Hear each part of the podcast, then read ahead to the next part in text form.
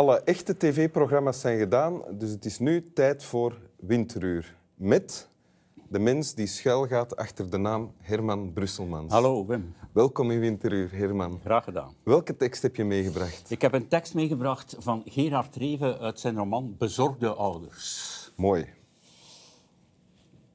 Het, eh, het hoofdpersonage is een man die Treger heet en die heeft heel veel gedachten. Een man die hebt dus een keer aardbeien, begon Treger zichzelf in zijn verbeelding een tekst voor te lezen die hij nooit had opgeschreven, maar wel zo goed als uit het hoofd kende. Hij gaat dus naar de dokter en hij zegt tegen die dokter, dokter, ik geloof dat ik aardbeien heb. Nu, zegt die dokter, doet u uw pantalon maar eens naar beneden. Juist, en bukt u maar en trekt u de boel maar eens goed van elkaar. Ja hoor, u hebt aardbeien. Er is geen twijfel mogelijk. Ik zie ze duidelijk hangen. Ik zal u pillen geven en die doet u in het rectum. En als het niet overgaat, dan komt u over een week maar terug. Dus die man gaat langs bij de apotheek en die komt thuis en hij zegt tegen zijn vrouw: Ik heb pillen gekregen, maar die moeten in een rectum. Hebben wij een rectum? Nee, zegt die vrouw. Ik geloof van niet. Ze vraagt bij de buren of die misschien een rectum hebben. Nee, niemand. En ze gaat voor alle zekerheid ook nog langs bij tante Aal om de hoek, want die heeft wel eens hulpstukken te leen gehad van het wit-gele kruis. Nee hoor, tante Haal, die heb ook geen rectum. Nooit gehad ook. Dus die man die komt een week later weer bij de dokter en die dokter die vraagt dus, hoe is het nu? Nou, zegt die man, je zou toch zeggen, zulke grote pillen. En ik heb ze allemaal ingenomen, allemaal, maar het heb niks, niemendal geholpen. Ik had ze bij wijze van spreken net zo goed in mijn reet kunnen steken. Gerard Reven.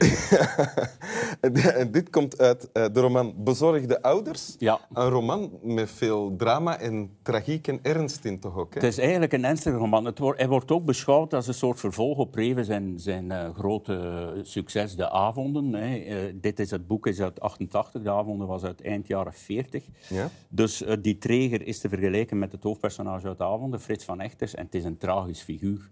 Maar het, het- er valt ongelooflijk veel te lachen. De manier waarop Reven iedere keer eh, de gedachten van zijn hoofdpersonage eh, eh, laat passeren, is eigenlijk... Ik moet, ik moet continu lachen, eigenlijk, met Reven. En dit is eigenlijk waarschijnlijk een bestaande mop, hè, de rectum, reet. Ja.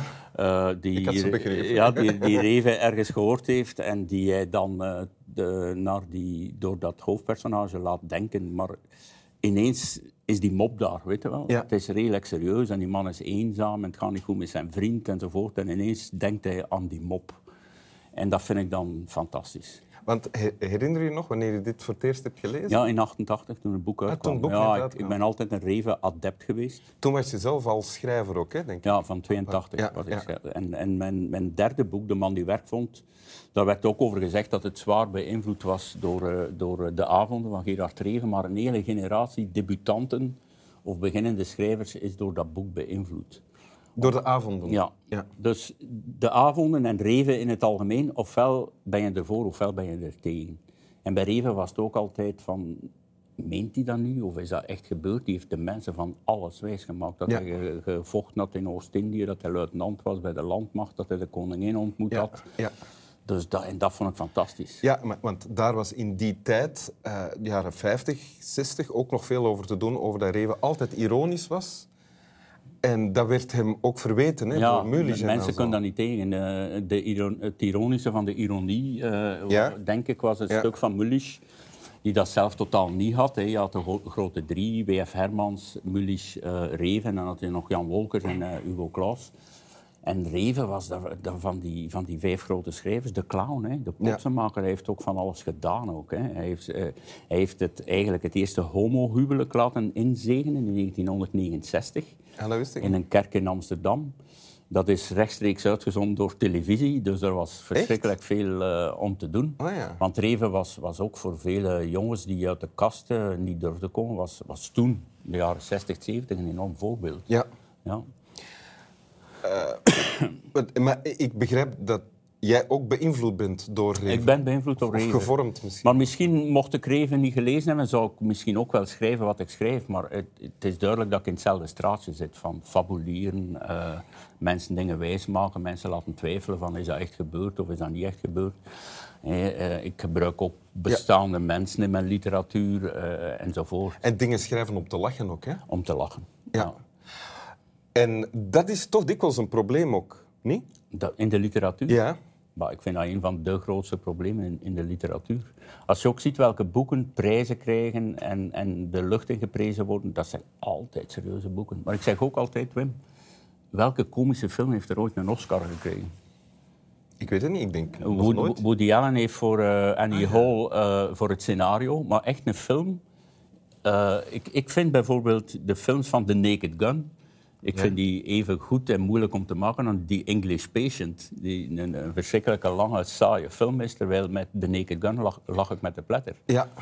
En met alles wat, wat komische literatuur is, of waar een grap nog maar één of twee grappen in komen, is het, is het al snel van, oh ja, die schrijver is een beetje een, een potsenmaker, een soort uh, literaire stand-up comedian. Ja, iemand denk- die hengelt naar de lach.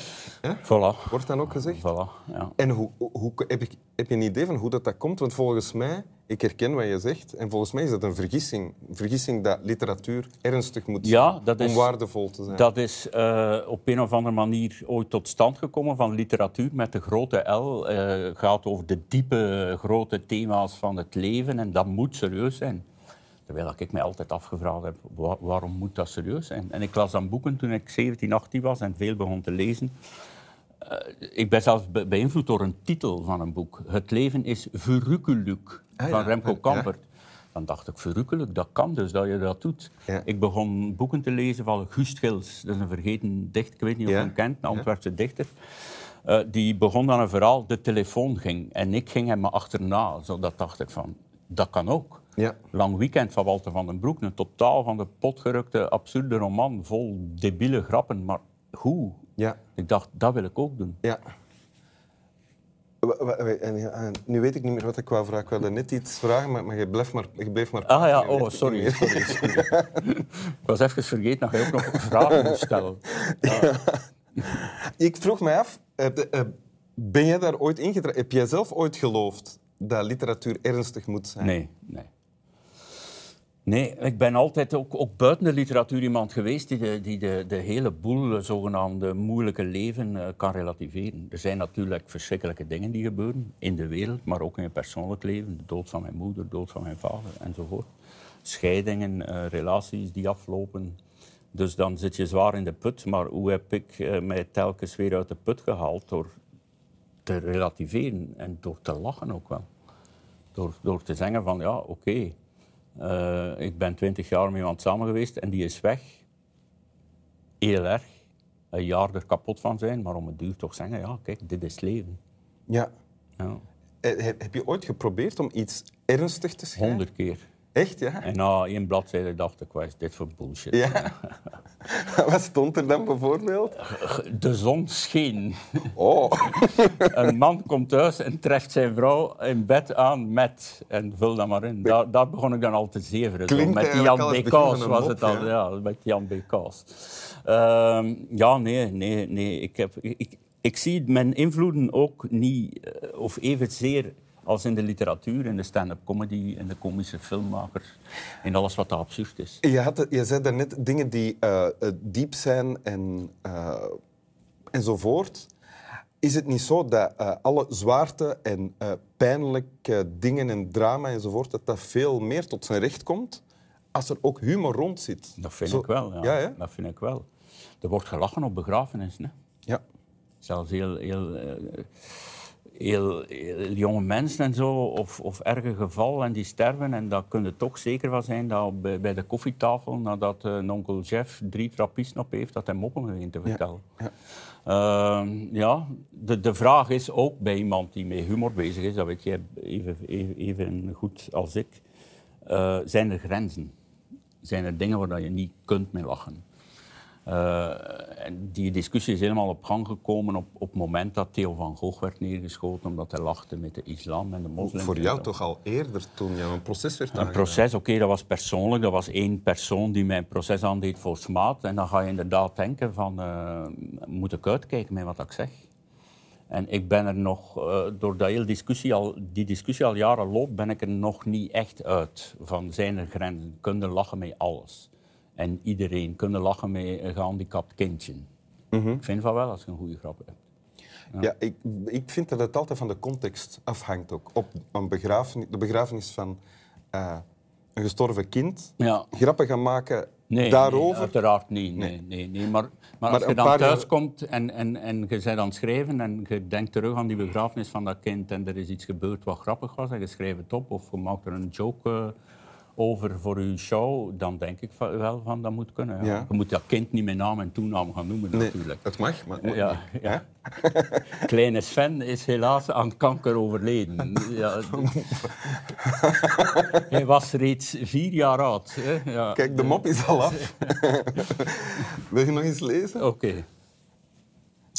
Een man die hebt dus een keer aardbeien, begon Treger zichzelf in zijn verbeelding een tekst voor te lezen die hij nooit had opgeschreven, maar wel zo goed als uit het hoofd kende.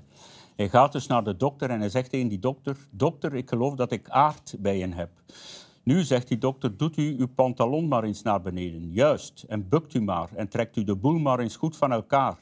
Ja hoor, u hebt aardbeien. Er is geen twijfel mogelijk, ik zie ze duidelijk hangen. Ik zal u pillen geven en die doet u in het rectum. En als het niet overgaat, dan komt u over een week maar terug. Dus die man gaat langs bij de apotheek en die komt thuis en hij zegt tegen zijn vrouw, ik heb pillen gekregen, maar die moeten in een rectum. Hebben wij een rectum? Nee, zegt die vrouw, ik geloof van niet. Ze vraagt bij de buren of die misschien een rectum hebben. Nee, niemand.